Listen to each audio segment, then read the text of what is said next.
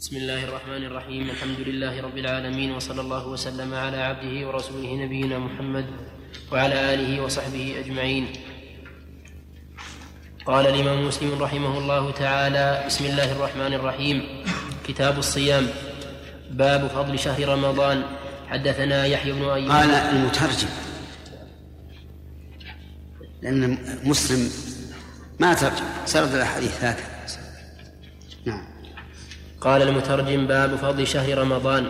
قال مسلم رحمه الله حدثنا يحيى, يحيى بن أيوب وقتيبة وابن حجر قالوا حدثنا إسماعيل وهو ابن جعفر عن أبي سهيل عن أبيه عن أبي هريرة رضي الله عنه أن رسول الله صلى الله عليه وسلم قال إذا جاء رمضان فتحت أبواب الجنة وغلقت أبواب النار وصفدت الشياطين. بسم الله الرحمن قال المترجم لصحيح مسلم كتاب الصيام. ولا يخفى علينا جميعا أن الصيام هو أحد أركان الإسلام التي نص عليها النبي صلى الله عليه وعلى آله وسلم في قوله بني الإسلام على خمس شهادة أن لا إله إلا الله وأن محمد رسول الله وإقام الصلاة وإيتاء الزكاة وصوم رمضان وحج بيت الله الحرام. وهو التعبد لله تعالى بالإمساك عن الأكل والشرب والجماع وغيرها من المفطرات من طلوع الفجر إلى غروب الشمس. لقول الله تعالى فالآن باشروهن وابتغوا ما كتب الله لكم وكلوا واشربوا حتى يتبين لكم الخيط الأبيض من الخيط الأسود من الفجر. وقد فرض الله الصيام على جميع الأمم. لقوله تعالى كتب عليكم الصيام كما كتب على الذين من قبلكم. وإنما فرضه الله على عباده لأن فيه تمام الامتحان والابتلاء. فإن العبادات إما أعمال بدنية وإما تروك لمحبوب وإما بذل لمحبوب. فالصلاة مثلا والحج من الأعمال البدنية التي قد يكون فيها تعب ومشقة. والصيام ترك للمحبوب والزكاة بذل للمحبوب. كل هذا ليعلم عز وجل من كان عابدا لله لا لهواه. فيقول بكل ما كلف بكل ما أمر به. وللصيام فوائد تكلم عليها العلماء رحمهم الله. ومن أحسن من تكلم عليها الحافظ بن حجر الحافظ بن رجب في كتابه اللطائف. ثم ذكر المؤلف ابتدأ الصيام بقوله إذا جاء رمضان فتحت أبواب الجنة. الحديث إذا جاء رمضان. وجاء عنه صلى الله عليه وسلم من صام رمضان. وفيه دليل على ضعف الحديث المروي عن النبي صلى الله عليه وسلم لا تقولوا رمضان فإن رمضان اسم من أسماء الله فإن هذا حديث منكر باطل. لمخالفة الأحاديث الصحيحة ولأن رمضان ليس من أسماء الله. أسماء الله تعالى قال الله عنها ولله الأسماء الحسنى. فكل اسم لا يتضمن كمالا فاعلم أنه ليس من أسماء الله. ولهذا قلنا إن الدهر ليس من أسماء الله. في قوله تعالى في الحديث القدسي يؤذيني ابن آدم يسب الدهر وأنا الدهر. ليس المعنى أن الله من أسمائه الدهر؟ لأن الدهر اسم جامد لا يدل على معنى أصلا. وقوله فتحت أبواب الجنة الفاتح له هو الله. وإنما يفتح أبوابها من أجل أن يراقب الداخلين فيها. ولا سيما الباب الخاص بالصائمين وهو الباب الذي يسمى باب الريان جعلنا الله وإياكم من داخليه. هذا إذا جاء رمضان. تغلق أبواب النيران حتى لا يهم أحد بدخولها. ومن المعلوم أن المراد بذلك أسباب دخول الجنة وأسباب دخول النار. فكأن النبي صلى الله عليه وعلى آله وسلم أراد بهذا الخبر الشريف أن نحرص على فعل الطاعات الذي هو سبب لدخول إيش؟ الجنة وأن نبتعد عن المعاصي الذي هو سبب لدخول النار. وقول صفدت الشياطين يعني غلت. والمراد بهم المردة كما جاء ذلك مقيدا في بعض ألفاظ الحديث مردة الشياطين. فلا يخلصون إلى ما يخلصون إليه من قبل. ولا يرد على على هذا الخبر النبوي الصادق أن من الناس من تكثر سيئاته وفسقه في رمضان. لأنك لو لو, لو نظرت إلى المسلمين عموما لوجدت أنهم في رمضان يستقيمون أكثر من من غيره. صحيح أنه يوجد فسقة لا يزالون في فسقهم وربما تزيد يزيد فسقهم في رمضان لكن هذا لا يؤثر. الكلام على إيش؟ على الغالب العام. نعم. وكذلك أيضا إذا قلنا إن المراد المردة فيقال الشياطين غير المردة لا بد أن يوجد وأن يحصل منهم إضلال الخلق. وإنما تصفد رفقا بالعباد من أجل أن لا يأتيهم ما يثبطهم عن طاعة الله أو ما يحثهم على معصية الله. نعم.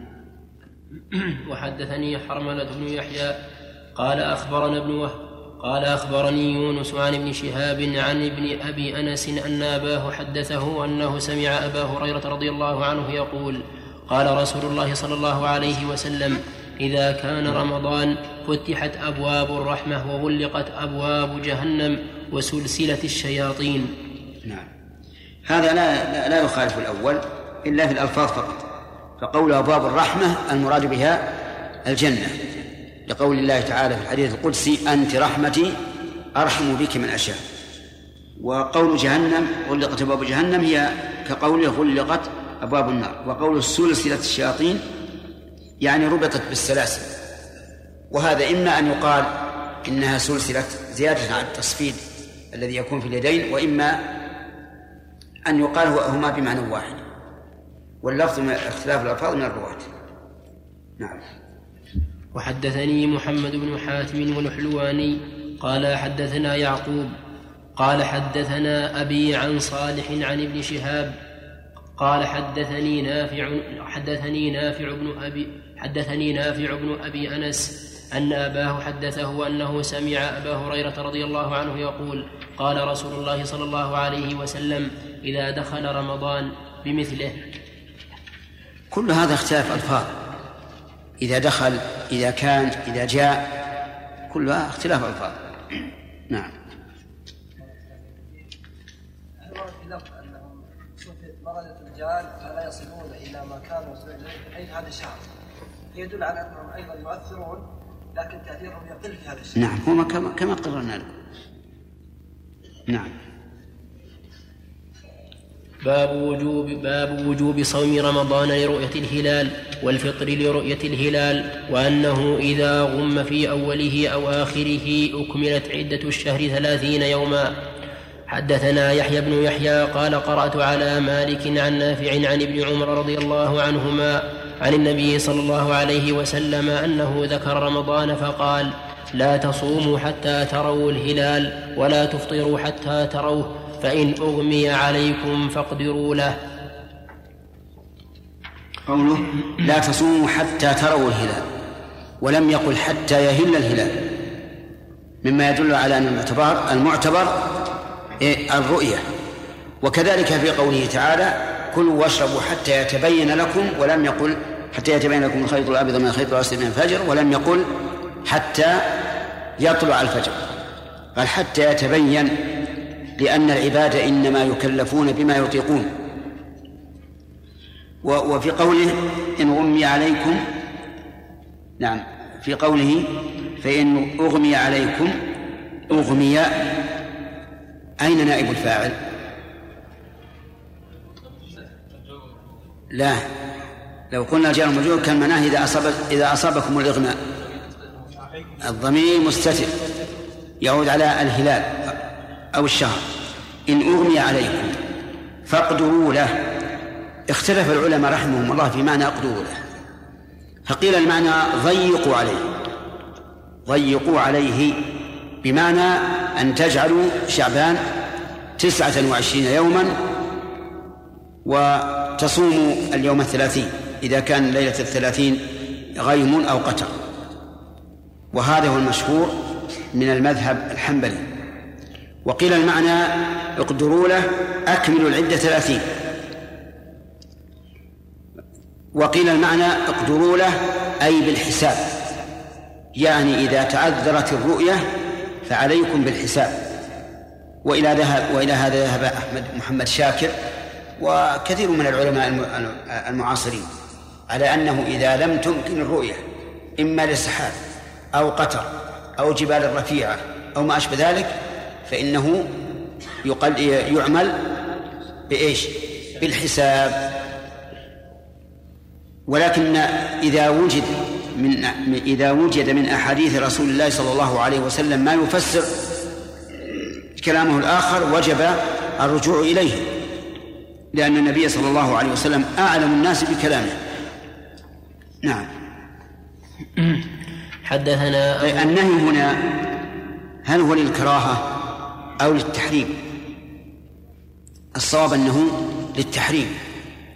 لما في الصوم في هذه الحال من التنطع في دين الله وسبق حدود الله. وإذا كان الله تعالى قد قد قد جعل الأمر مبنيا على شهادة الشهر كما قال فمن شهد منكم وشرب لصم فلماذا نتنطع ونقول نصوم؟ ثم إن في هذا مخالفة للأصول لأن الأصل بقاء إيش؟ بقاء إيش؟ الفطر بقاء شعبان. الأصل بقاء شعبان. فكيف نصوم هذا اليوم معتقدين أنه ركن من أركان الإسلام؟ لأنك إذا صمته على أنه من رمضان ستعتقد أنه ركن من أركان الإسلام. أليس كذلك؟ نعم. آه أين التفت؟ لا. أحضر قلبك بارك الله فيك. نعم. حدثنا أبو بكر بن أبي شيبة قال حدثنا أبو أسامة قال حدثنا عبيد الله عن نافع عن ابن عمر رضي الله عنهما أن رسول الله صلى الله عليه وسلم ذكر رمضان فضرب بيديه فقال الشهر هكذا وهكذا وهكذا ثم عقد إبهامه في الثالثة فصوموا لرؤيته وأفطروا لرؤيته فإن أغمي عليكم فاقدروا له ثلاثين. هنا صرح اقتلوا له ثلاثين فيكون المعنى أكملوا ثلاثين. نعم. طيب قال هكذا هكذا وهكذا وهكذا. ثم عقد إبهامه في الثانية في الثالثة. كيف؟ يعني ضمه. تكون الجميع تسعة وعشرين يعني يكون هكذا تسعة وعشرين ويكون ثلاثين أيضا. فإذا فإذا أغمي علينا كملناه ثلاثين. نعم. وحدثنا وحدثنا ابن نمير قال حدثنا أبي قال حدثنا عبيد الله بهذا الإسناد وقال فإن غم عليكم فاقدروا فاقدروا ثلاثين نحو حديث أبي أسامة. وحدثنا عبيد الله بن سعيد قال حدثنا يحيى بن سعيد عن عبيد الله بهذا الإسناد وقال ذكر رسول الله صلى الله عليه وسلم رمضان فقال الشهر تسع وعشرون الشهر هكذا وهكذا وهكذا وقال فاقدروا له ولم يقل ثلاثين.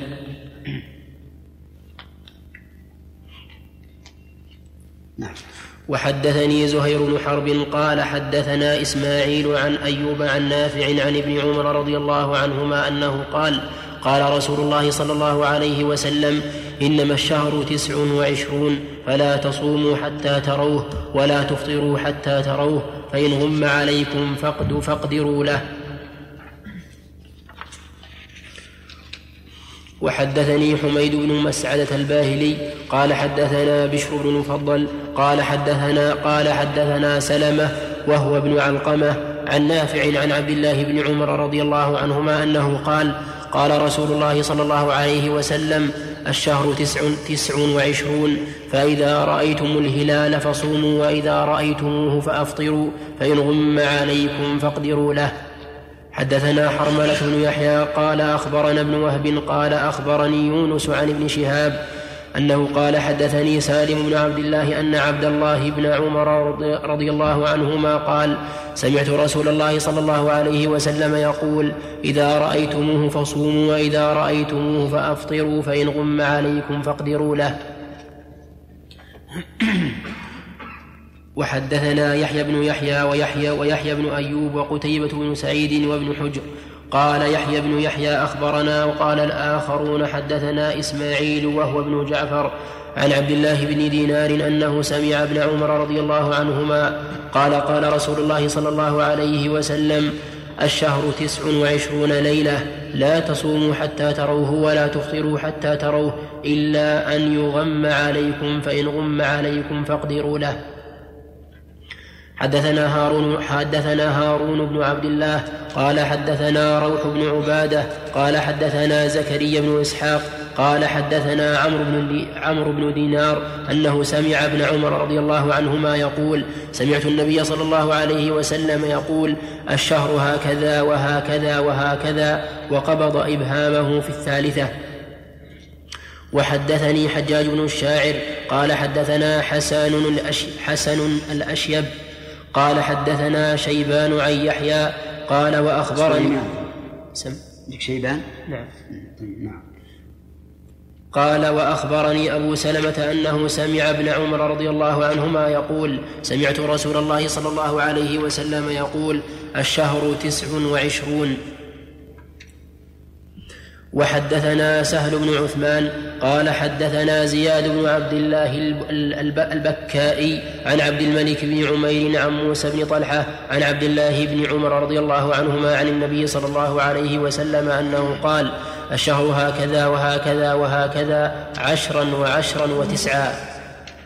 وحدثنا عبيد الله بن معاذ قال حدثنا أبي قال حدثنا شعبة عن جبلة قال سمعت ابن عمر رضي الله عنهما يقول قال رسول الله صلى الله عليه وسلم الشهر هكذا الشهر كذا وكذا وكذا وصفق بيديه مرتين بكل أصابعهما ونقص في الصفقة الثالثة ابهام اليمنى ابهام اليمنى أو اليسرى. وحدثنا محمد بن المثنى قال حدثنا محمد محمد بن جعفر قال حدثنا شعبة عن عقبة وهو ابن وهو ابن حريث قال سمعت ابن عمر رضي الله عنهما يقول قال رسول الله صلى الله عليه وسلم الشهر تسع وعشرون وطبق شعبة يد يد وطبق شعبة يديه ثلاث مرار وكسر الإبهام في الثالثة. قال عقبة وأخيه قال الشهر ثلاثون وطبق كفيه ثلاث مرار. حدثنا أبو بكر بن أبي شيبة قال حدثنا غندر عن شعبة حاء وحدثنا محمد بن المثنى وابن بشار قال ابن المثنى حدثنا محمد بن جعفر قال حدثنا شعبة عن الأسود بن قيس قال سمعت سعيد بن عمرو بن سعيد بن عمرو بن سعيد أنه سمع ابن عمر رضي الله عنهما يحدث عن النبي صلى الله عليه وسلم أنه قال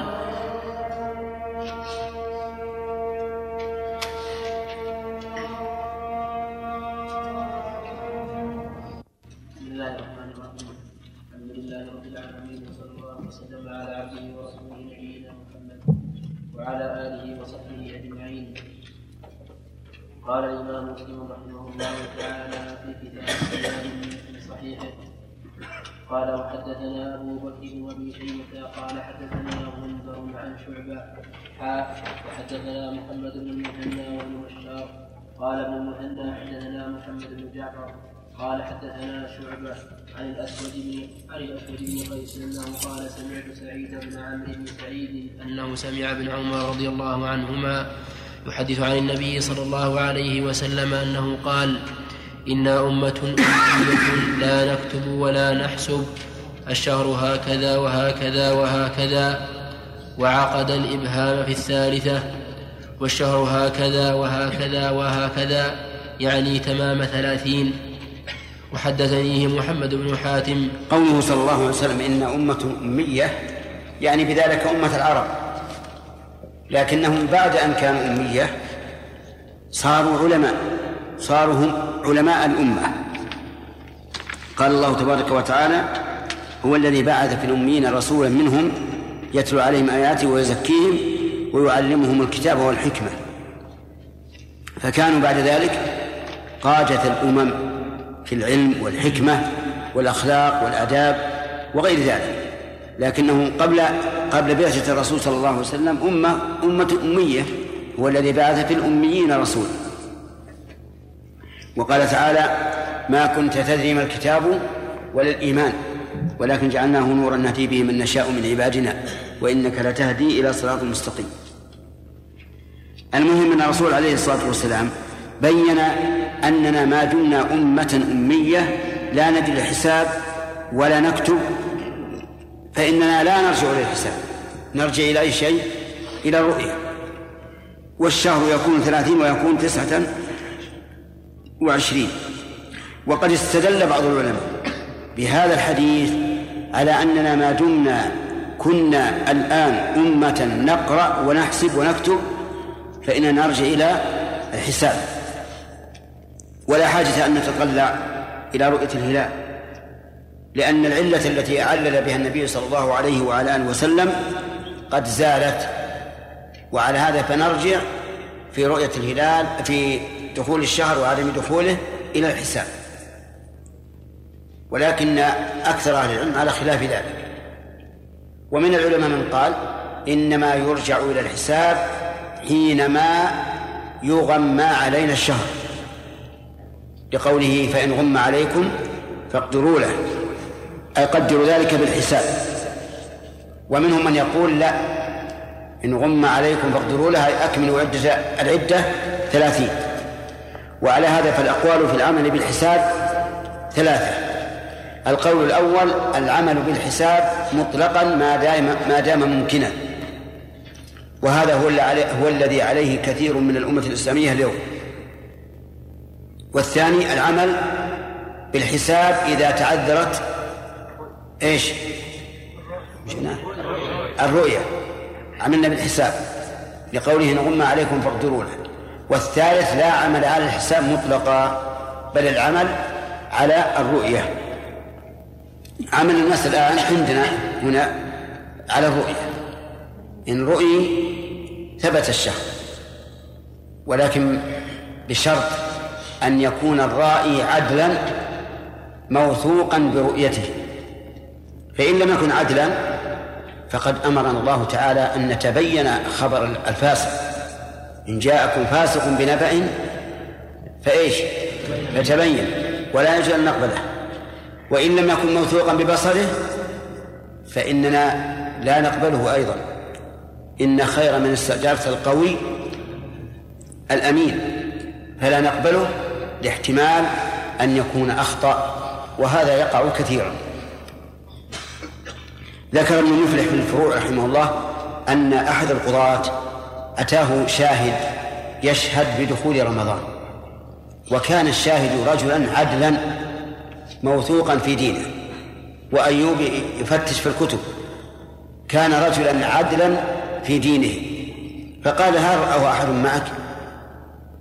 قال معي يا جماعة لكن ما رأوا وأحضر الجماعة فقال فقالوا لم نراه. وهذا أصر على أنه رآه. فصار في القاضي شك وصار القاضي ذكيا. فقال أتعرف المكان الذي رأيت الهلال فيه؟ قال نعم. قال أنا وإياك. فذهب معه إلى إلى المكان وقال انظر. قال انظر الهلال. فنظر القاضي ولم يره الهلال فعرف أن الرجل أخطأ. فنظر في حاجبه وإذا شعرة بيضاء في الحاجب فمسحها القاضي مسح بحاجبه كذا قال له انظر قال لا أرى شيئا. فهذا الرجل الآن ثقة عدل لكنه غير موثوق في رؤيته وبصره. فإذا جاءنا رجل يقول أنا رأيت الهلال وهو يعثر بالحجر الصغير لا يراه. نقبله؟ لا نقبله. نعم. وحدثني بالأمس في الرياض واحد يقول إن آه، رجلا يقول إني رأيت الهلال ليوم 29 أين يكون يوم 29 في الفجر. يقول فلما ارتفع افترك الهلال عشان يتعدل للهلال. ما هو يوم 29 يكون وجه الهلال القمر نحو المغرب وإذا هل يكون وجهه نحو المشرق؟ هو يقول لما ارتفع مقدار الرمح أو نحو ذلك في المشرق افترك افتر. علشان يرجع على وراء ولا صار في آخر النهار؟ آه، يرى. يعني يحكى عجائب وغرائب في هذه الأمور. إذا لابد من شرطين وهما إيش؟ أن يكون عدلا وأن يكون موثوقا ببصره. نعم. فعملنا نحن هنا في السعودية على على الرؤية. ولا ولا نعبأ بالحساب. نعم. قال وحدثنيه محمد بن حاتم قال حدثنا ابن مهدي عن سفيان عن الأسود بن قيس بهذا الإسناد ولم يذكر للشهر الثاني ثلاثين. حدثنا أبو كامل الجحدري قال حدثنا عبد الواحد بن زياد قال حدثنا الحسن بن عبيد الله عن عن سعد بن عبيدة قال قال سمع ابن عمر رضي الله عنهما رجلا يقول الليلة ليلة النصف فقال له ما يدريك أن الليلة النصف؟ سمعت رسول الله صلى الله عليه وسلم يقول الشهر هكذا وهكذا وأشار بأصابعه العشر مرتين وهكذا في الثالثة وأشار بأصابعه كلها وحبس أو خنس إبهامه.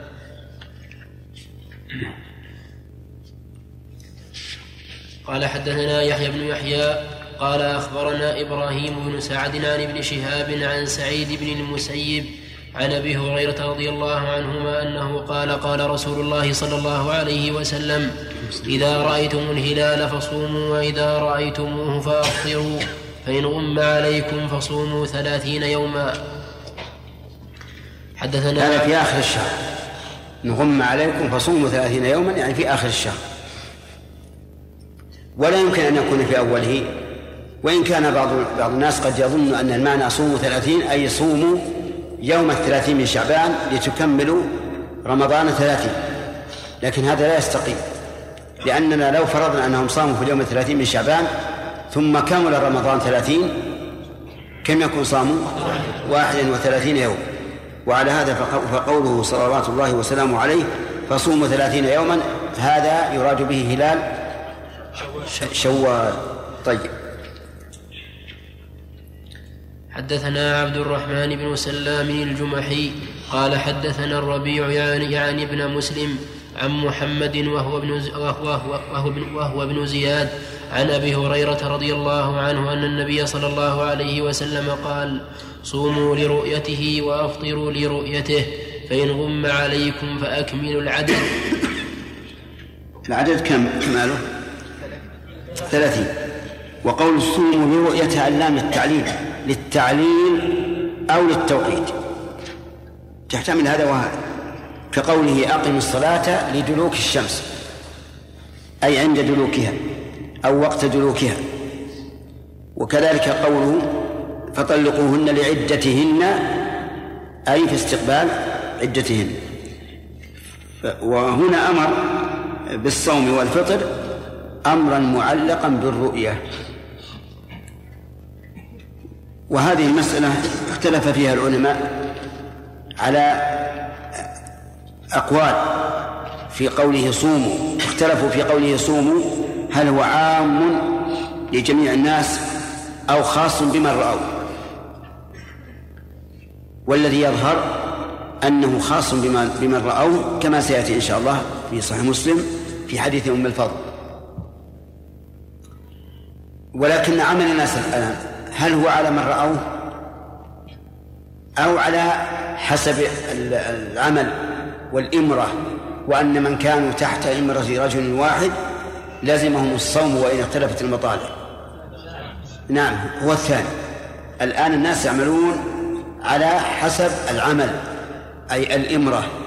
فإذا كان الناس تحت ولاية واحدة صاموا جميعا وإن لم يره الباقون.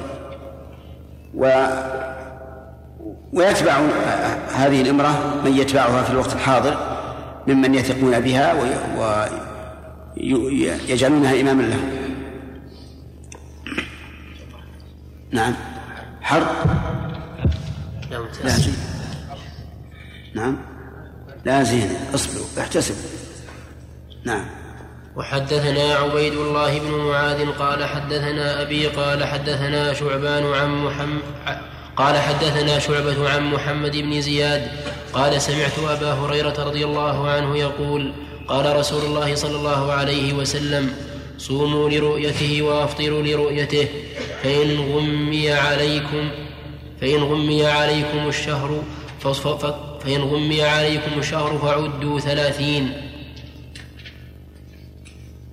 حدثنا أبو بكر بن أبي شيبة قال حدثنا محمد بن بشر العبدي قال حدثنا عبيد الله بن عمر عن أبي الزناد عن الأعرج عن أبي هريرة رضي الله عنه أنه قال ذكر رسول الله صلى الله عليه وسلم الهلال فقال إذا رأيتموه فصوموا وإذا رأيتموه فأفطروا فإن أغمي عليكم فعدوا ثلاثين. أغمي يعني الهلال. وعلى هذا فلا يكون الجار المجرور نائب فاعل. بخلاف ما إذا قلت أغمي على الرجل فإن على الرجل هي نائب الفاعل. أما هنا فنائب الفاعل مستتر. أي فإن أغمي الهلال عليكم. نعم. ما جاوبت السؤال؟ كل الأحاديث واحد. نعم. باب لا تقدموا رمضان بصوم يوم ولا يومين. حدثنا أبو بكر بن أبي شيبة وأبو كريب قال أبو بكر حدثنا وكيع عن علي بن مبارك عن يحيى بن أبي كثير عن أبي سلمة عن أبي هريرة رضي الله عنه أنه قال قال رسول الله صلى الله عليه وسلم لا تقدموا رمضان بصوم يوم ولا يومين إلا رجل كان يصوم صوما فليصمه. قوله لا تقدموا النهي هنا اختلف فيه العلماء هل هو للتحريم أو للكراهة؟ فمنهم من قال إنه للتحريم؟ لأن هذا هو الأصل في النهي عند جمهور الأصوليين. ومنهم من قال إنه للكراهة؟ وعلى كل حال فإن فعل الإنسان ذلك احتياطا لرمضان فإنه للتحريم بلا شك. لقول عمار بن ياسر من صام اليوم الذي يشك فيه فقد عصى أبا القاسم صلى الله عليه وسلم. وإن صامه تنفلا وتطوعا. فالنهي ليس للتحريم.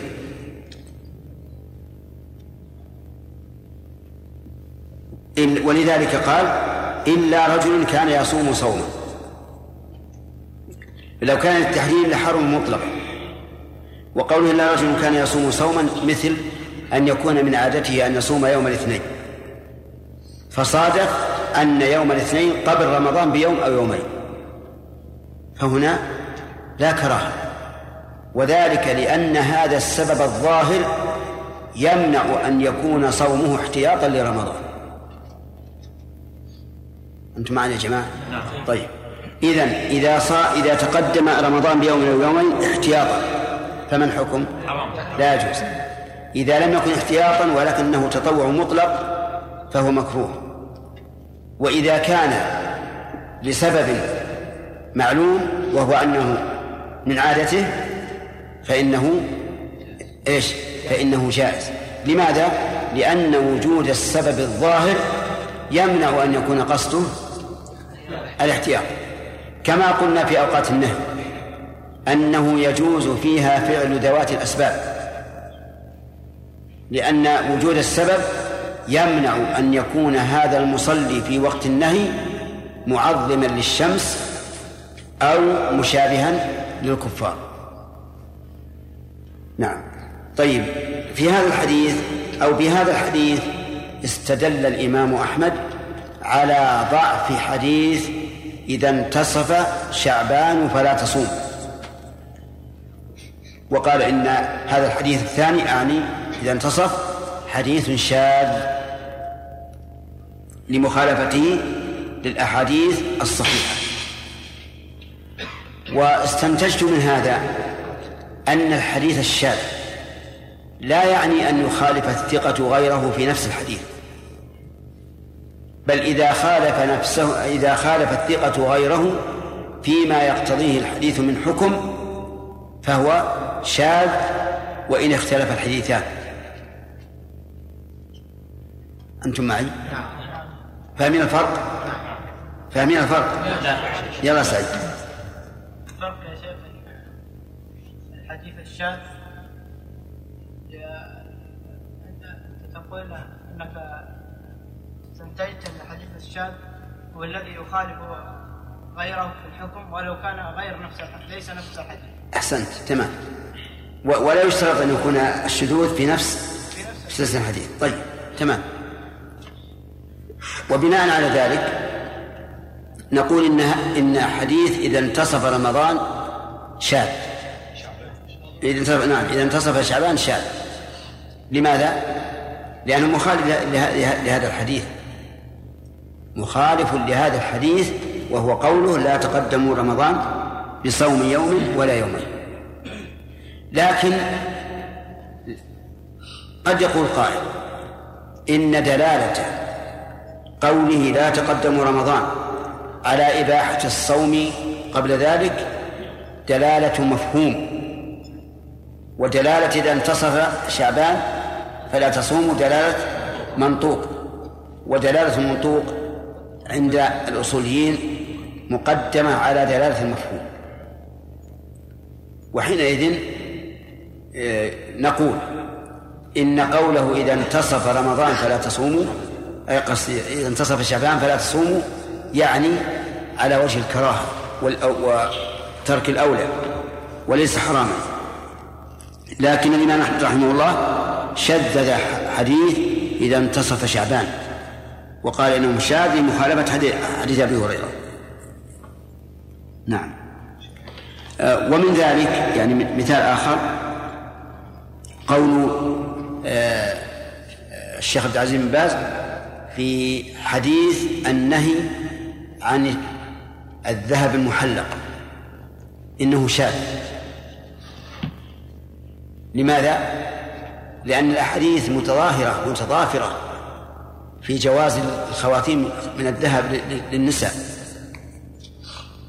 فلا يمكن لهذا الحديث آه، الذي لم لم يرد الشيخان في صحيحيهما أن يكون دالا على التحريم مع تضافر الأدلة وتظاهرها على إباحة الذهب المحلق. ومن من حيث الحكم في الذهب المحلق لا نشك أنه جائز للنساء وأنه ليس عليهن إثم في ذلك ولا على وليهن إذا مكنهن من هذا. نعم. نعم. عن عائشة رضي الله عنها أن الرسول صلى الله عليه وسلم يكاد يصوم شعبان كله. وش عرض من الشيخ؟ إيش؟ أن عن ثبت عن عائشة رضي الله عنها نعم أن الرسول صلى الله عليه وسلم كاد يصوم شعبان كله. نعم وش معرض للحديث الثاني يا شيخ؟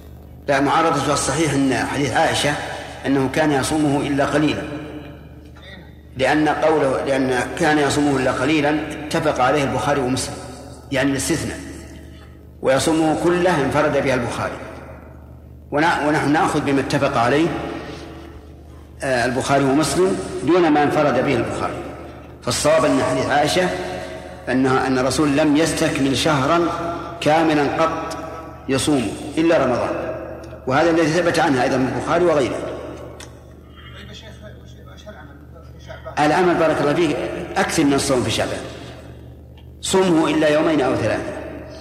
إن شئت صمه اجعل اليومين يومي الإفطار من أوله وصم إلى رمضان. وإن شئت فاجعل اليومين يومي الإفطار من آخره. ما الذي جعلنا نقص على القراءة فقط في من صام تطوعا مطلقا في شعبان؟ نعم. لأن الاستثناء في من له عادة يخفف التحريم. كما قلنا في يوم الجمعة. النهي عن الصوم إفراده بالصوم إلا إلا رجل له صوم يعتاده وكما قلنا في في صوم السبت فما دام إن ان إن الاستثناء يعني استثناء شيء خفيف وهي العادة لأن العادة ما تحل ما يعني تقوى على تحليل آه، الحرام. يكون نهي الكراهة. نعم. الله. لو ظهر الهلال في بلد ما و... و... و...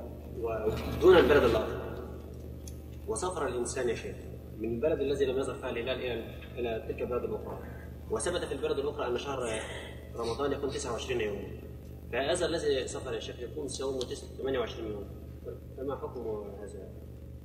نعم. إذا سافر إلى بلد تأخروا في الصيام أو تقدموا على بلده الذي أدركه رمضان وهو فيه. فمثلا آه، صام يوم السبت. في بلد ما. ثم سافر إلى بلد آخر لم يصوموا إلا يوم الأحد. سوف يزيد عليه إيش؟ يوم. نقول صم معه. ولو أف... ولو صمت ثلاثين يوما. بحسب صومك على البلد الأول. فيقول أصوم واحد وثلاثين يوما؟ نقول نعم. صم واحد وثلاثين يوما. كما أنك لو أمسكت عن الصيام في بلد ثم سافرت إلى بلد آخر يتأخر غروب الشمس فيه فإنك لا تفطر حتى تغرب الشمس ولو زادت عليك الساعات. فزيادة الأيام هنا كزيادة الساعات. أما إذا سافرت إلى بلد سبقوا البلد الذي أنت أدركت أول رمضان فيه وأفطروا وأنت لم تتم تسعة وعشرين. فأفطر معه. واقضي يوما. لأنه لم يتم الشهر. ولكن لا تصم وهم مفطرون لأن المكان الذي أنت فيه يعتبر يومه يوم يوم عيد ويوم العيد لا يجوز صوم نعم. أفهمت؟ طيب. وحدثنا يحيى بن مسلم الحريري قال حدثنا معاوية يعني ابن سلام حاء وحدثنا ابن المثنى قال حدثنا أبو عامر قال حدثنا هشام حاء وحدثنا ابن المثنى وابن أبي عمر. قال حدثنا عبد الوهاب بن عبد المجيد قال حدثنا أيوب حاء وحدثني زهير بن حرب قال حدثنا حسين بن محمد قال حدثنا شيبان كلهم عن يحيى بن أبي كثير بهذا الإسناد نحوه.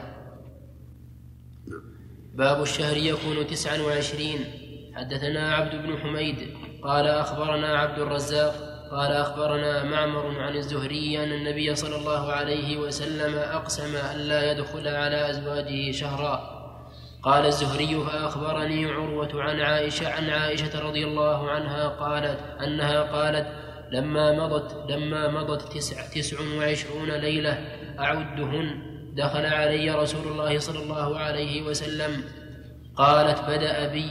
فقلت يا رسول الله إنك أقسمت ألا تدخل علينا شهرا وإنك, وإنك دخلت من تسع وعشرين أعدهن فقال إن الشهر تسع وعشرون نعم. أقسم النبي صلى الله عليه وسلم أن لا يدخل على أهله شهرا يعني حلف على أزواجه شهرا ولكن لما مرت تسعة وعشرون ليلة أعدهن دخل علي رسول الله صلى الله عليه وسلم فقلت يا رسول الله إنك أقسمت أن لا تدخل علينا شهرا وإنك دخلت من تسع وعشرين أعدهن. فقال إن الشهر يعني بذلك الشهر المعين فأل هنا للعهد الحضوري يعني إن هذا الشهر تسع وعشرون وحكم النبي صلى الله عليه وعلى آله وسلم على هذا الشهر بأنه تسع وعشرون إما أن يكون رأى الهلال وإما أن يكون الله أخبره بذلك. المهم أن في هذا دليل على أن الشهر لا ينقص عن تسع وعشرين. وينقص عن ثلاثين أو لا؟ وينقص عن ثلاثين. نعم. ما عندك الشرح النووي سبب القسم. قوله لا يدخل على أزواجه شهرا ثم دخل لما مضت تسع وعشرون ليلة ثم قال الشهر تسع وعشرون. وفي رواية فخرج إلينا في تسعة وعشرين فقلنا له إنما اليوم إنما اليوم تسعة وعشرون. وفي رواية فخرج إلينا صباح تسع وعشرين فقال إن الشهر يكون تسع وعشرين. وفي رواية فلما مضى تسع وعشرون يوما غدا عليهم أو راح. قال القاضي رحمه الله تعالى معناه كله بعد تمام تسع بعد تمام تسعة وعشرين يوما يدل عليه رواية فلما مضى تسع وعشرون يوما. وقوله وقوله صباح تسع وعشرين أي, صباح أي صباح الليلة التي بعد تسع بعد تسعة وعشرين يوما وهي صبيحة ثلاثين وهي صبيحة ثلاثين. ومعنى الشهر تسعة وعشرون أنه قد يكون تسعة وعشرون كما صرح به في بعض هذه الروايات والله أعلم. لأن ما ذكر لماذا أقسم؟ هنا علق الشيخ أحمد فؤاد عبد الباقي يقول آه، أقسم أن لا يدخل على أزواجه شهرا أي حلف بالله أن لا يدخل على أزواجه شهرا عن موجدة ذكر سببها أهل التفسير في سورة التحريم وهذا الحلف غير الإيلاء. غير الإله آن من من نساء الشهر. فما يحتاج إلى تحرير.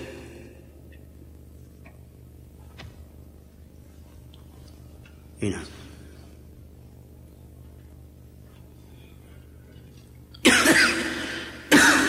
حدث حدثنا محمد بن حدثنا محمد بن رمح قال أخبرنا الليث. حاء وحدثنا قتيبة بن سعيد واللفظ له. قال حدثنا ليث عن أبي الزبير عن جابر رضي الله عنه أنه قال كان رسول الله صلى الله عليه وسلم اعتزل نساءه شهرا فخرج إلينا في تسع وعشرين فقلنا إنما اليوم تسع وعشرون فقال إنما الشهر وصفق بيديه ثلاث مرات وحبس إصبعا واحدة في الآخرة. حدثنا هارون حدثنا هارون بن عبد الله وحجاج بن الشاعر قال في هذا الحديث دليل على أن العمل بالإشارة. أن العمل على العمل بالإشارة ولو أمكنت العبارة. فما دامت الإشارة مفهومة فإنها تقوم مقام العبارة إلا ما اشترط فيه اللفظ. فما اشترط فيه اللفظ لا تقوم الإشارة فيه مقام العبارة لاشتراط التلفظ به. فالتسبيح مثلا لا بد أن يسبح الإنسان بفمه ولا يكفي أن يشير إلى السماء وينوي بقلبه التسبيح. لكن الإشارة في التخاطب بين الناس مما لا يقصد به التعبد يقوم مقام العبارة. تقوم مقام العبارة. نعم. حدثني هارون حدثني حدثني هارون بن عبد الله وحجاج بن الشاعر قال حدثنا حجاج بن محمد قال قال قال ابن جريج أخبرني أبو الزبير أنه سمع جابر بن عبد الله رضي الله عنهما يقول اعتزل النبي صلى الله عليه وسلم نساءه شهرا فخرج إلينا صباح تسع وعشرين فقال بعض القوم يا رسول الله إنما أصبحنا لتسع إنما أصبحنا لتسع وعشرين قال النبي صلى الله عليه وسلم إن الشهر يكون تسعا وعشرين ثم طبق النبي صلى الله عليه وسلم بيديه ثلاث مر ثلاث مرتين بأصابع يديه كلها والثالثة بتسع منها.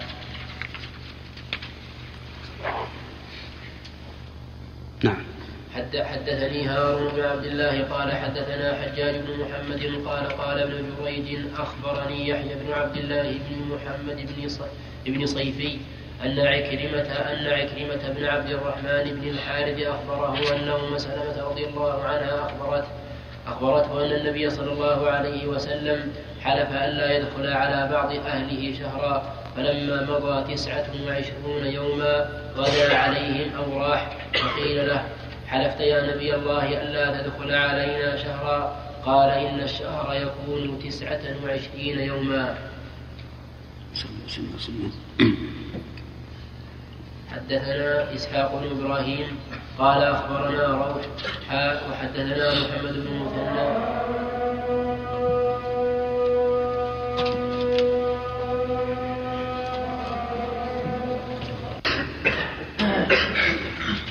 الله الرحمن الرحيم.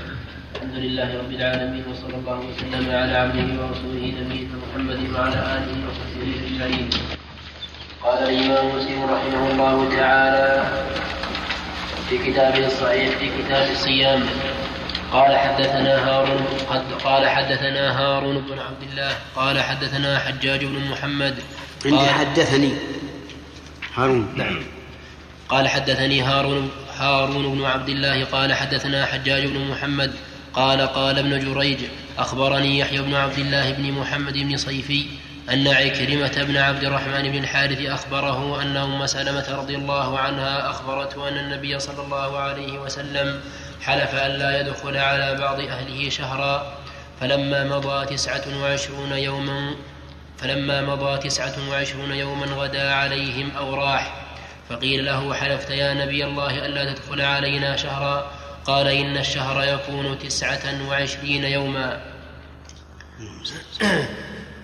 حدثنا إسحاق بن إبراهيم قال أخبرنا روح حاء وحدثنا محمد بن المثنى قال حدثنا الضحاك يعني يعني أبا عاصم جميعا عن ابن جريج بهذا الإسناد مثله.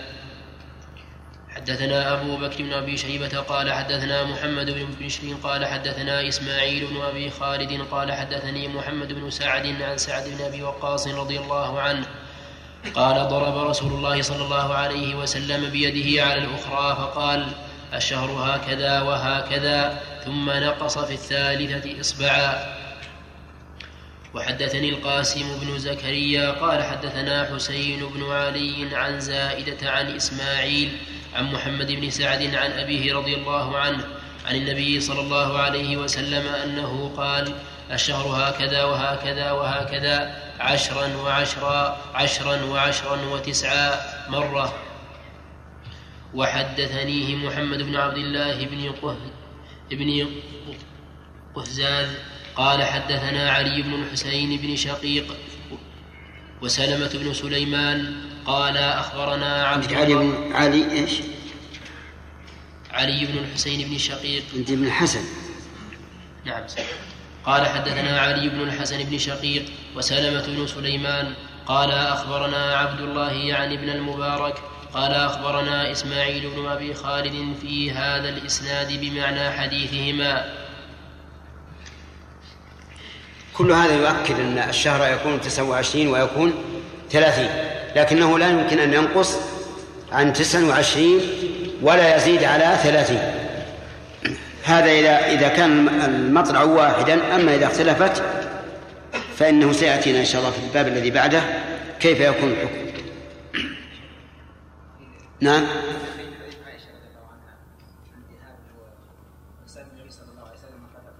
نعم نعم. من أتى إيهاب؟ كثير؟ طيب نقرأ أعطوها رحمة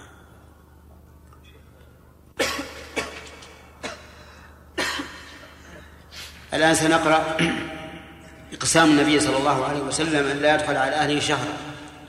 هل هو الذي حصل منه من الإيلة أو غيره؟ وقد طلبنا من الأخ إيهاب أن يحرر هذا ويقول إنه عثر عليه في البخاري.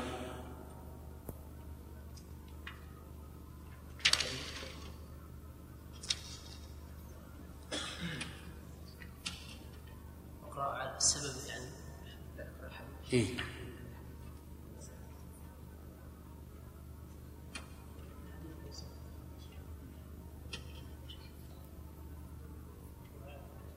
نعم. بس أخي ما يسمع الإنسان يطولها ال- تطول هذه مع أنه صوته خافت. فيها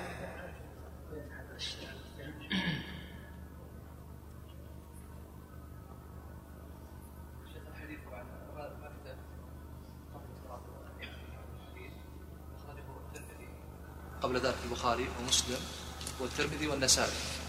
النسائي ما ساق القصة بأكملها ساقها كله من البخاري والترمذي. وحافظ حجر هو أطول من تكلم عنها عن سبب القصة. وذكر أيضا أسباب المهم هل هل سبب مطالبتهن بالنفقة حيث آل منهن شهرا؟ أو إن القسم هذا غير لأن اللي فهمنا من التعليق أمس إنه يقول يراجع كلام العلماء في على تفسير قوله تعالى يا أيها النبي لم تحرم أنه غير مطالبتهن بالنفقة, بالنفقة فيكون أقسم مرة وآل مرة. هذا هو وجه الإشكال. إيه؟ ولكن ذكر القصة واحدة. على كل حال حرها لنا. حرها حرها واكتبها جزاك الله خير. احتسب عطية.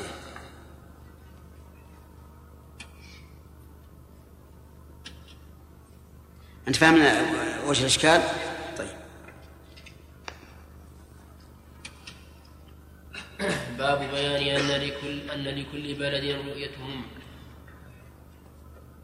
وأنهم إذا رأوا الهلال ببلد لا يثبت حكمه لما بعد عنهم. حدثنا يحيى بن يحيى ويحيى بن أيوب وقتيبة وابن حجر.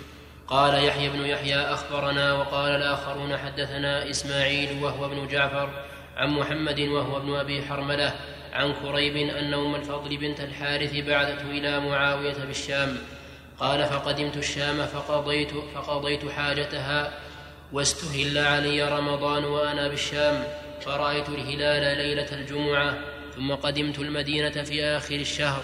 فسألني عبد الله بن عباس رضي الله عنهما ثم ذكر الهلال فقال متى رأيتم الهلال؟ فقلت رأيناه ليلة الجمعة. فقال أنت رأيته؟ فقلت نعم ورآه الناس وصاموا وصام معاوية. فقال لكنا رأيناه ليلة السبت فلا نزال نصوم حتى نكمل ثلاثين أو نراه. فقلت أولا تكتفي برؤية, برؤية معاوية وصيامه؟ فقال لا هكذا أمرنا رسول الله صلى الله عليه وسلم. وشك يحيى بن يحيى في نكتفي أو تكتفي.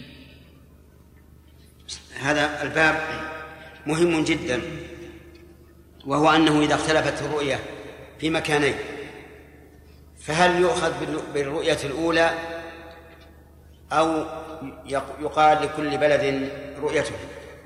هذه مبنية على مسألة مهمة وهي أنه إذا رؤي الهلال في مكان وثبت ثبوتا شرعيا بشاهد واحد في دخول رمضان أو بشاهدين في خروج رمضان فهل يلزم الناس كلهم حكم هذه الرؤية أو لا؟ في هذا أقوال متعددة.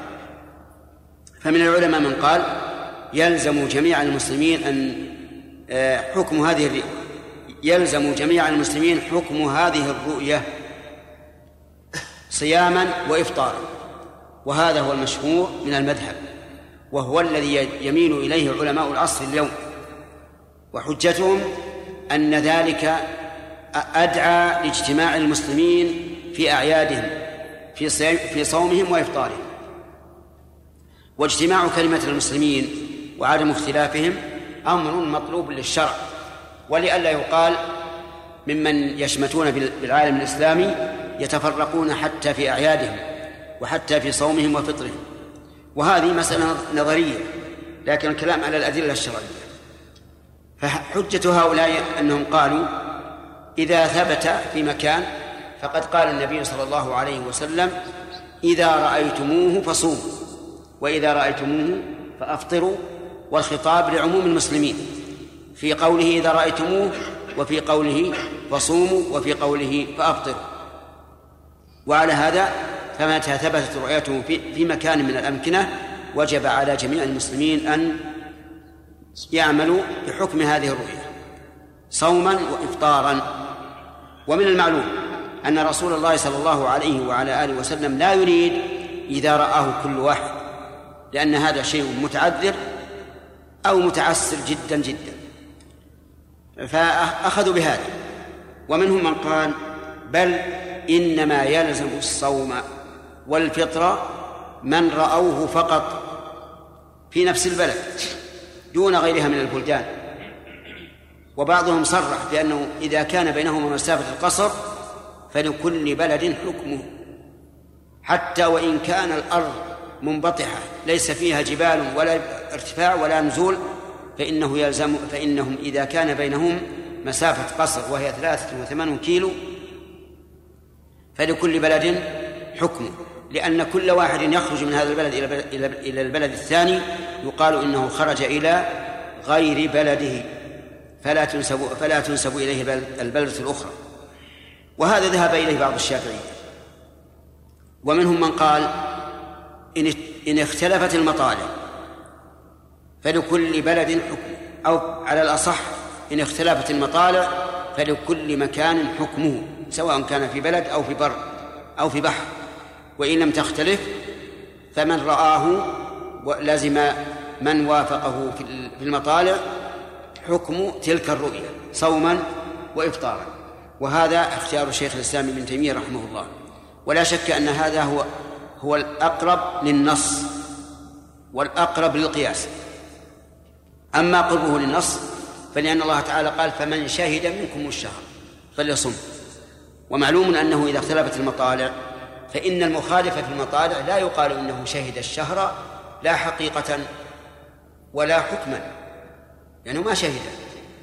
وكذلك قال النبي عليه الصلاة والسلام إذا رأيتموه فصوموا وإذا رأيتموه فأفطروا ومعلوم أن من خالف في المطالب فإنه لم يرى لا حقيقة ولا حكما. وهذا القول في الآية الكريمة وكذلك في الحديث كقوله تعالى فالآن باشرون وابتغوا ما كتب الله لكم وكلوا واشربوا حتى يتبين لكم الخيط الأبيض من الخيط الأسود من الفجر. وقول النبي عليه الصلاة والسلام كلوا واشربوا حتى يؤذن ابن أم مكتوم فإنه لا يؤذن حتى يطلع الفجر.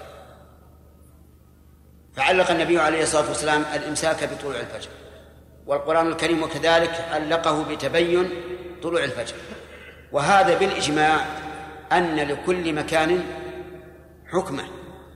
ولهذا قد يلزمنا نحن هنا في القصيم أن نمسك عن الأكل والشرب والجماع في الصيام ولا يلزم أهل, أهل مكة. لما بينهما من من الفرق. وهذا أمر لا لا لا يختلف به اثنان. كذلك أيضا قال الله تعالى ثم أتموا الصيام إلى الليل وقال النبي صلى الله عليه وسلم إذا أقبل الليل من ها هنا وأشار إلى المشرق وأدبر النهار من ها هنا وأشار إلى المغرب وغربت الشمس فقد أفطر الصائم. من المعلوم أن قوله أتموا الصيام إلى الليل يعني من غابت عليه الشمس انتهى وقت صومه.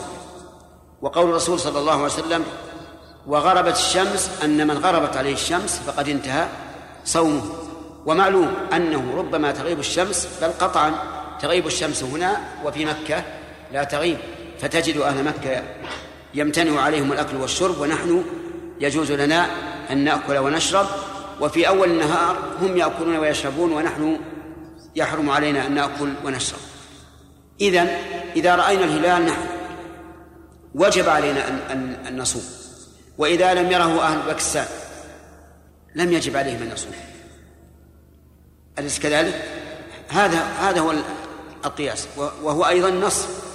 فمن شهد منكم الشهر فليصم وإذا رأيتموه فصوم وإذا رأيتموه فأفطروا. وهذا بلا شك هو القول الراجح من حيث النظر ومن حيث الأثر. ولا ينبغي العدول عنه. لكن الأمة الإسلامية في الوقت الحاضر لا تعمل بهذا. صاروا يعملون بالقول الثالث في هذه المسألة وهي أن لكل إمرة حكم نفسها وأن المدار على العمل. فمثلا إذا كانت هذه المنطقة من الأرض تحت إمرة رجل واحد وثبت في بلدة من من بلدانه لزم جميع من كانوا تحت امرأته أن يعملوا بحكم هذه الرؤيا صياما وإفطارا. هذا هو العمل عليه الآن. ولذلك مثلا لو فرضنا أن قرية من قرى المملكة العربية السعودية في أقصى الشمال وبينها وبين قرية في سوريا مسافة عشرة أمتار مثلا. على هذا القول إذا لم يثبت في سوريا رؤية الهلال لم يلزم هذه القرية التي بينها وبينها نعم إذا لم يثبت الهلال في سوريا وثبت في السعودية لزم القرية القريبة من القرية الأخرى إيش؟ أن يصوموا أو يفطروا. والقرية التي بينها وبين عشر أمتار لا يلزم. نعم. فالعمل الآن هو على هذا. العمل على هذا. نعم. الشهر أن الناس تبع للإمام. إن صام صاموا وإن أفطر أفطروا. وهذا أحد الأقوال السبعة في مذهب الإمام أحمد في هذه المسألة. يعني تصوروا سبعة أقوال في مسألة من مسائل الفقه مع أن النصوص تكاد تكون واضحة في هذا الأمر. لكن تجد بعض أهل العلم يراعون المصلحة العامة ويقول لا ينبغي أن يختلف المسلمون في أعيادهم وفي عباداتهم في صومهم وفطرهم. فنقول لهم الأمر يسير. كما يختلفون في ليلهم ونهارهم. أليس الجانب الغربي من الكرة الأرضية. أليسوا يأكلون ويشربون والجانب الشرقي يلزمه الصوم صائمون والعكس بالعكس. فإذا كان كذلك فهذا دليل على أن الدين الإسلامي ينتهج نهجا صريحا واضحا. متى بدت العلامات الحسية الظاهرة ثبت الحكم المعلق عليه وإذا كانت خفية فإنه لا لا يناط بها حكم. حديث آه، الحديث ال- ال- الذي معنا يؤيد من؟ نعم.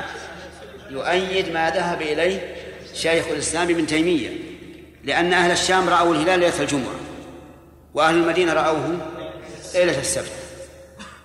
ولم آه، يقبل ابن عباس أن يفطر الناس على رؤية أهل الشام.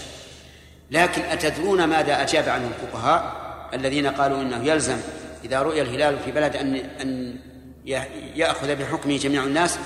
قالوا إن ابن عباس لم يعتمد على قول كريب لأنه واحد والواحد لا يفطر لكن هذا في الحقيقة دفاع بغير سلاح ابن عباس رضي الله عنه لم يتعلل بأنه واحد. تعلل بأن رؤية أهل المدينة إيش؟ تأخرت عن رؤية أهل الشام. ما قال والله أنت واحد والرسول قال إذا شهد شاهدان فصوموا وأفطروا. حتى يقال إن ابن عباس رد لم يعمل برؤية أهل الشام لأن المخبر واحد على كل حال آه، القول الراجح في هذه المسألة ما ذهب إليه شيخ الإسلام ابن تيمية ولكن مع ذلك نحن نقول لا نخرج عما يحكم به الإمام. لأن القاعدة الشرعية عند العلماء أن حكم الحاكم يرفع الخلاف. حكم الحاكم يرفع الخلاف. فإذا قال ولاة أمورنا صوموا قلنا سمعا وطاعة. إذا قالوا أفطروا قلنا سمعا وطاعة. سواء كان على على رأي شيخ الإسلام ابن تيمية رحمه الله الذي دل عليه الأثر والنظر أم على الرأي الثاني. المهم أننا لا ننزع آه، يدا من موافقة. نحن نوافق ما ما دل ما ما أمر به ولاة الأمر ما لم يأمروا بمعصية لكن في هذه المسألة ما ما يأمرون بمعصية إن شاء الله. لأن الأمر واضح والمسلمون كلهم متفقون على أن صيام رمضان من أركان الإسلام والفطر من الواجبات. نعم. أن يبادر قبل أن تنتهي البطارية. نعم. هل نأخذ قاعدة من ذلك وهو أن آه، أن الإنسان الذي آه، يخالف آه، أو يتبع قول من أقوال العلماء وهذا القول مثلا يخالف ما ما يعمله أو يعمل به الحاكم. أنه آه، يعني يجب عليه أن يترك ذلك آه، في كل حال. الصوم يوم يصوم الناس هذا حديث حسن. يعني إن لم يكن إلى درجة الصحة فهو حسن لا أشكال فيه. الصوم يوم يصوم الناس والفطر يوم يفطر الناس والأضحى يوم يضحي الناس. نعم. إيه. آه، هذا إذا- كان الخط واحدا فإنه من المعلوم أنه إذا رؤي إذا ثبتت رؤيته شرقا فسوف تثبت غربا. إذا كان الخطوط ال- التي هي من الشرق إلى الغرب متفقة فلا بد أن يرى. أما إذا اختلفت فقد فقد يرى في الشرق ولا يرى في الغرب لأن هناك زوايا الله أعلم بها ما ما تتفق نعم. المقصود هذا يعرفه أهل المعرفة. أما أنا ما أعرفه. وقد قال شيخ الإسلام إن المطالع مطالع القمر تختلف باتفاق أهل المعرفة. اليوم يسمون خطوط الطول ودوائر العرض أنا لا أعرف. لا تنا... لا لا تسألني عن هذا. اسأل الفلكيين. في مدينة الملك عبد العزيز بالرياض اكتب لهم كتابا واسألهم نعم. ثلاثة. طيب. إيش؟ نعم. نعم. إيش؟ ما هي ما لها حدود معها؟ اي هذا تصحح. صح. نعم. نعم. اي الآن اللي مسجل صح. طيب. باب بيان أنه لا اعتبار بكبر هلاله وصغ- وصغره وأن الله تعالى أمده للرؤية فإن غم فليكمل ثلاثون. قال حدثنا أبو بكر بن أبي شيبة قال حدثنا محمد, محمد بن فضيل عن حسين عن عمرو بن مرة عن أبي البختري قال أنه قال خرجنا للعمرة فلما نزلنا ببطن أخلة قال تراءينا الهلال فقال بعض القوم هو ابن ثلاث وقال بعض القوم وقال بعض القوم هو هو ابن هو ابن ليلتين. قال فلقينا فلق قال فلقينا ابن عباس فقلنا إنا رأينا الهلال. فقال بعض القوم هو ابن ثلاث وقال بعض القوم هو ابن ليلتين. فقال أي ليلة رأيتموه؟ قال فقلنا ليلة كذا وكذا فقال إن أحسن أي ليلة؟ ويجوز بالرفع. أي ليلة على أنها ظرف ويجوز الرفع على أنها مبتدأ. فقال أي ليلة رأيتموه؟ قال فقلنا ليلة كذا وكذا فقال إن إن رسول الله صلى الله عليه وسلم قال إن الله مده للرؤية فهو لليلة فهو لليلة رأيتموه. لليلة فهو لليلة رأيتموه. عندكم. منونة؟ نعم. منونة. نعم. إذا لليلة رأيتموه. إن الله مده للرؤية فهو لليلة رأيتموه. حط نشرح حديث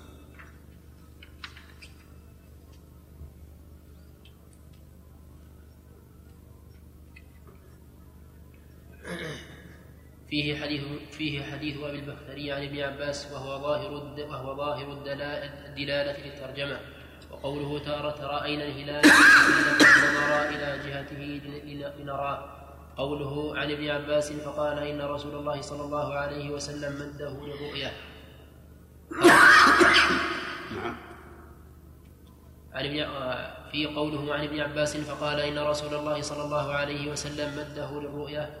هكذا هو في في بعض النسخ وفي بعضها فقال إن رسول الله صلى الله عليه وسلم قال إن الله مده للرؤيا وجميع النسخ متفقة على مده من غير ألف فيها. في الرواية الثانية فقال ابن عباس قال رسول الله صلى الله عليه وسلم إن الله قد أمده لرؤيته. هكذا هو في هكذا هو في جميع النسخ أمده بألف في بألف في أوله. قال القاضي قال بعضهم الوجه أن يكون أمده بالتشديد من الإمداد ومده من الامتداد. قال القاضي والصواب عندي بقاء بقاء الرواية على وجهها ومعناه أطال مدته إلى الرؤية يقال يقال منه مده يقال منه مد وأمد. قال الله تعالى وإخوانهم يمدونهم في الغي قرئ بالوجهين أي يطيلون لهم. قال وقد يكون أمده من المدة. أي جعلت له قال صاحب الأفعال. قال وقد يكون أمده من أمده من المدة التي جعلت له. قال صاحب الأفعال أمددت أمد أمددتكها أي أعطيتكها. قوله في الإسناد عن أبي البختري هو بفتح الموحدة وإسكان الخاء المعجمة وفتح التاء واسمه سعيد بن فيروز. ويقال ابن ابن عمران ويقال ابن أبي عمران الطائي توفي سنة ثلاث وثمانين عام الجماجم. المهم مضمون كلام ابن عباس رضي الله عنه وعن أبيه أن أنه لا عبرة بالقمر بحجمه. قد يكبر في الليلة الثالثة أو في الثانية. أحيانا يراه الناس الليلة الثالثة يقولون ليلة الرابعة. وأحيانا يرونه ليلة الرابعة يقول ليلة الثالثة. فلا عبرة. العبرة بالرؤية.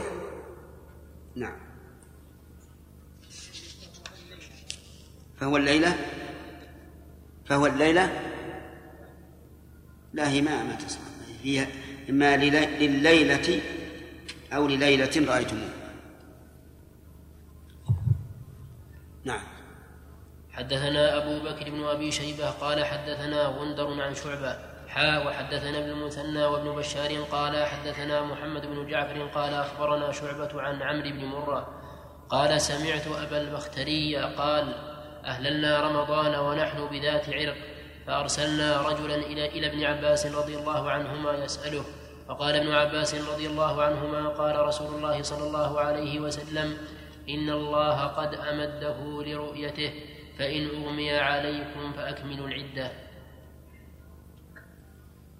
باب باب بيان معنى قوله صلى الله باب باب بيان معنى قوله صلى الله تعالى عليه وسلم شهرا عيد لا ينقصان. حدثنا يحيى بن يحيى قال أخبرنا يزيد بن زريع عن خالد عن عبد الرحمن بن أبي بكرة عن أبيه رضي الله عنه عن النبي صلى الله عليه وسلم أنه قال شهرا عيد لا ينقصان رمضان وذو الحجة. من قوله صلى الله عليه وسلم شهر عيد لا ينقصان ليس المراد لا ينقصان عددا. لأن هذا خلاف الواقع. وخلاف قول الرسول عليه الصلاة والسلام فيما سبق الشهر هكذا وهكذا وهكذا وقبض أصبعه الثالثة. لكن المعنى لا ينقصان أجرا وإن نقصا عددا. فرمضان إذا كان تسعة تسعة وعشرين فهو كرمضان الذي يكون ثلاثين وكذلك ذو الحجة. لا ينقص أجره. حتى لو فرض أن الناس وقفوا في عرفة في اليوم الثامن خطأ أو في اليوم العاشر خطأ فإن الأجر باقي. ولهذا قال العلماء إذا أخطأ الناس فوقفوا في الثامن أو في العاشر فإن حجهم صحيح وإن لم يوافق التاسع. لأن الأجر فيهما لا ينقص. وهذه من نعمة الله عز وجل. وعلى هذا فقول الناس الآن الشهر تام أو الشهر كامل أو ناقص أو ما أشبه ذلك إنما يريد به إنما يريد به العدد. نعم. حدثنا أبو بكر بن أبي شيبة قال حدثنا معتمر بن سليمان عن إسحاق بن سويد وخا عن إسحاق بن سويد وخالد وخالد عن عبد الرحمن بن أبي بكرة عن أبي بكرة أن نبي الله صلى الله عليه وسلم قال شهر عيد لا ينقصان. في حديث خالد شهر عيد رمضان وذو الحجة.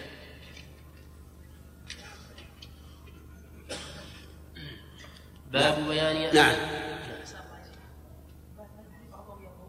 معنى الحديث أن هذا الشهرين لا ينقض إذا نقص أحدهما فإن الثاني يكون ما كاملا. صحيح ما صحيح. أي نعم. وأنا ابي أخبرك يا أخي إذا كان إذا لم أقل قولا قد قيل. فليس معنى ذلك أنني لا أعلم به. لكن إذا رأيته ضعيفا ما الفائدة في في, في طرحه ومناقشته؟ نعم. نعم. باب باب بيان أن الدخول في الصوم بحصول طلوع الفجر وأن وأن له وأن له الأكل وغيره حتى يطلع الفجر. وب- وبيان صفة الفجر الذي تتعلق به الأحكام من الدخول في الصوم ودخول وقت صلاة الصبح وغير ذلك حدثنا أبو بكر بن أبي شيبة قال حدثنا عبد الله بن إدريس عن حسين عن الشعبي عن عدي بن حاتم رضي الله عنه أنه قال لما نزلت حتى يتبين لكم الخيط الأبيض من الخيط الأسود من الفجر قال له عدي بن. قال له عدي بن حاتم يا رسول الله إني أجعل تحت وسادتي عقالين عقالا أبيض وعقالا أسود أعرف الليل من النهار. فقال رسول الله صلى الله عليه وسلم إن وسادتك لعريض إنما هو سواد الليل وبياض النهار. هذا الباب بين فيه المؤلف رحمه الله هذا الحديث الذي ساقه أن المراد بقوله تعالى حتى يتبين لكم الخيط الأبيض من الخيط الأسود من الفجر. أن المراد بهما بياض النهار وسواد الليل. وصنع علي بن حاتم رضي الله عنه بناء على ما فهمه من الآية. حتى يتبين لكم الخيط الأبيض من الخيط الأسود. والعقال خيط بل أضخم من الخيط الذي يخاط به. جعل تحت وسادته عقالين أحدهما أسود والثاني أبيض وجعل يأكل ويأكل كلما أكل نظر إليهما فلما تبين أحدهما من الآخر أمسك. بناء على أن هذا هو معنى الآية. فقال له النبي صلى الله عليه وعلى آله وسلم إن وسادتك لعريض يعني واسعة أن وسع الخيط الأبيض والخيط الأسود. ليش؟ لأنه معناه, أن وسادته على عرض الأفق. والرسول عليه الصلاة والسلام قال ذلك ليبين له أنه لا يمكن أن يراد به ما ما ما فهم. وليس كما قال علماء البلاغة إنه كناية عن كون الرجل بليدا. هذا لا يمكن أن يريده النبي عليه الصلاة والسلام. وكيف كان ذلك؟ قالوا لأنه كلما لأن كل من كانت رقبته طويلة فهو بليد. لماذا؟ قال لأن الرأس بعيد من القلب. وكلما بعد بعدت اللمبة عن محطة التوليد نعم ضعف الضوء. لكن نسأل الله العافية. أنا أقول هذا مستحيل على أن يكون الرسول عليه الصلاة والسلام أراده. ثم أنه غير مسلم لهم. نجد بعض الناس رقبته رأسه على أكتوفه ما له إلا الرقبة الصغيرة وهو من أبلد عباد الله. وإنسان رقبته طويلة جدا وهو من أذكى الناس. ما هو هذا المقياس؟ على كل حال في الآية فوائد. منها أن الله عز وجل أباح لنا الأكل والشرب والجماع. إلى متى؟ إلى أن يتبين. ولم يقل إلى أن يقضي ينبني على هذه الفائدة فائدة انتفاء التكليف بما يشق. انتفاء التكليف بما يشق لأن الإنسان لو كان يريد أن يراقب الفجر من حين أن يبزغ بزوغا لا يدركه إلا واحد من دون الآخر فإنه لازمه الإمساك حتى يتبين. ولذلك قال العلماء لو أن رجلا قال لشخصين ارقبا لي الفجر. فقال أحدهما طلع الفجر. وقال الثاني لم يطلع مع تساويهما أو تقاربهما في الرؤية فإن فإنه يعمل برؤية من؟ من نفاه لا من أثبته لأن الله قال حتى يتبين. ومن فوائد هذه الآية الكريمة آه، أنه لو طلع الفجر عليه وهو يجامع امرأته ثم نزع فإنه لا إثم عليه ولا كفارة عليه. خلافا لقول الفقهاء رحمهم الله إنه إذا نزع في هذه الحال لزمته الكفارة. مشكل إن بقي لزمته الكفارة. وإن نزع لزمته الكفارة. فماذا يصنع؟ هذا من غاية ما يكون من التكليف. ولهذا كان القول الذي لا شك فيه أنه إذا نزع في هذه الحال فقد فعل ما أمره الله به حتى يتبين. ومن فوائد الآية أن أن الجنابة لا تمنع انعقاد الصوم. وأن الرجل إذا كان عليه جنابة ولم يغتسل إلا بعد طلوع الفجر فصومه صحيح لأن الله إذا أباح الجماع إلى طلوع الفجر لزم من ذلك أن لا يغتسل إلا بعد طلوع الفجر. ولها فوائد إن شاء الله تذكر في الدرس القادم. قول. بسم الله الحمد لله رب العالمين وصلى الله وسلم على عبده ورسوله نبينا محمد وعلى آله وصحبه أجمعين. قال الإمام مسلم رحمه الله تعالى في كتاب الصيام من صحيحه حدثنا عبيد الله بن عمر القواريري قال حدثنا فضيل بن سليمان قال حدثنا أبو حازم قال حدثنا سهل بن سعد. قال لما نزلت هذه الآية وكلوا واشربوا حتى يتبين لكم الخيط الأبيض من الخيط الأسود قال كان الرجل يأخذ خيطا أبيض وخيطا أسود فيأكل حتى يستبي حتى حتى يستبينهما حتى أنزل الله عز وجل من الفجر فبين ذلك. حدثنا محمد بن سعيد التميمي وأبو بكر بن إسحاق قال حدثنا ابن أبي حازم قال أخبرنا أبو غسان قال حدثني أبو حازم عن سهل بن سعد رضي الله عنه أنه قال لما نزلت هذه الآية وكلوا واشربوا حتى يتبين لكم الخيط الأبيض من الخيط الأسود.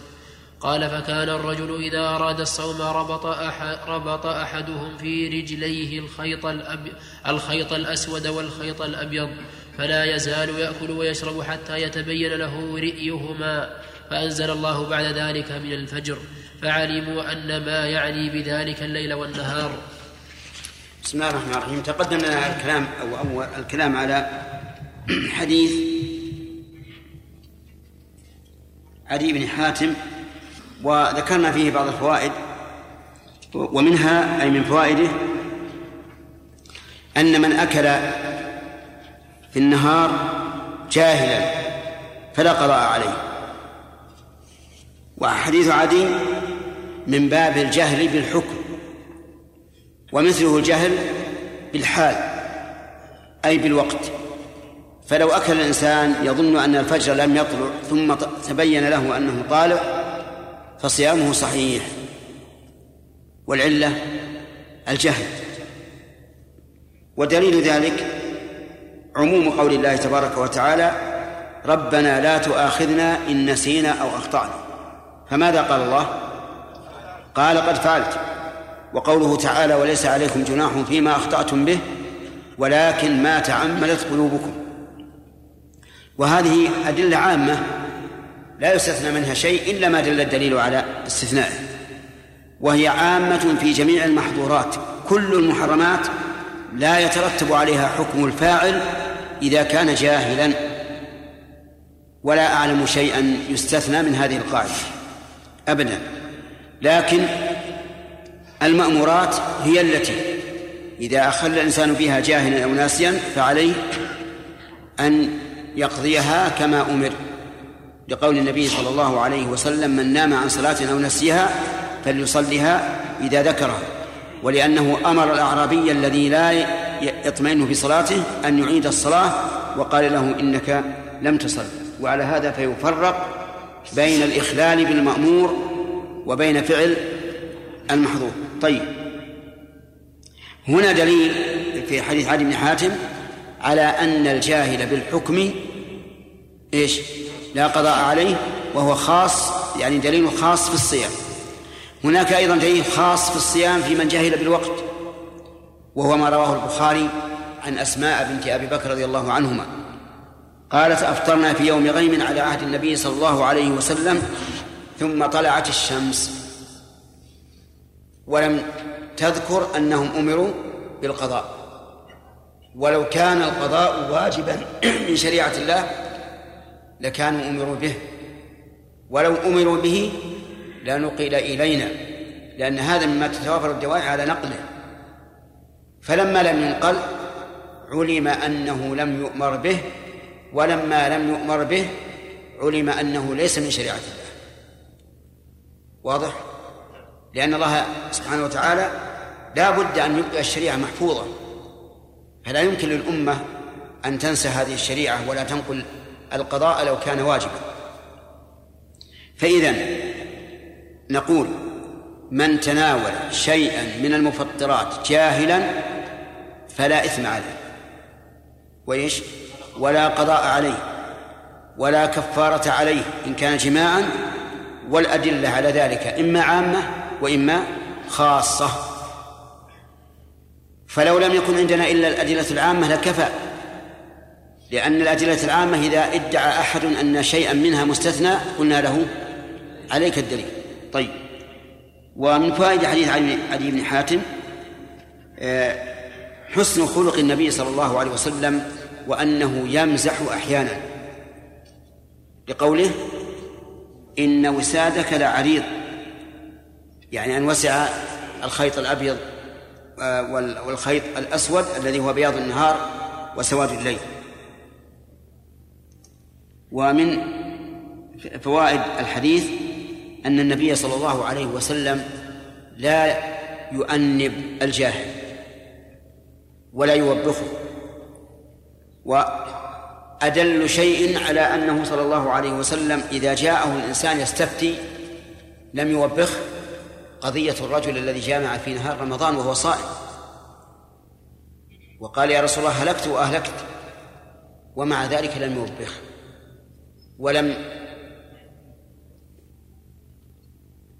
يقول له ما يخدشه أو يعبس في وجهه وإنما عامله بمثل ما تسمعون وستسمعون إن شاء الله.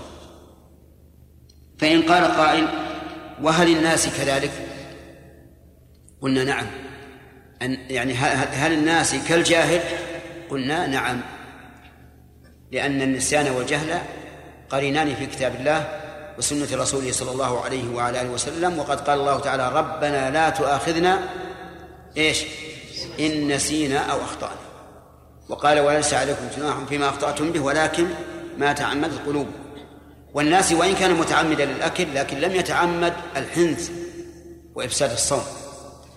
وأيضا هناك دليل خاص في الموضوع وهو حديث أبي هريرة من نسي وهو صائم فأكل أو شرب فليتم صومه فإنما أطعمه الله وسقاه. فإن قال قائل أتفرقون بين الأكل والشرب والجماع؟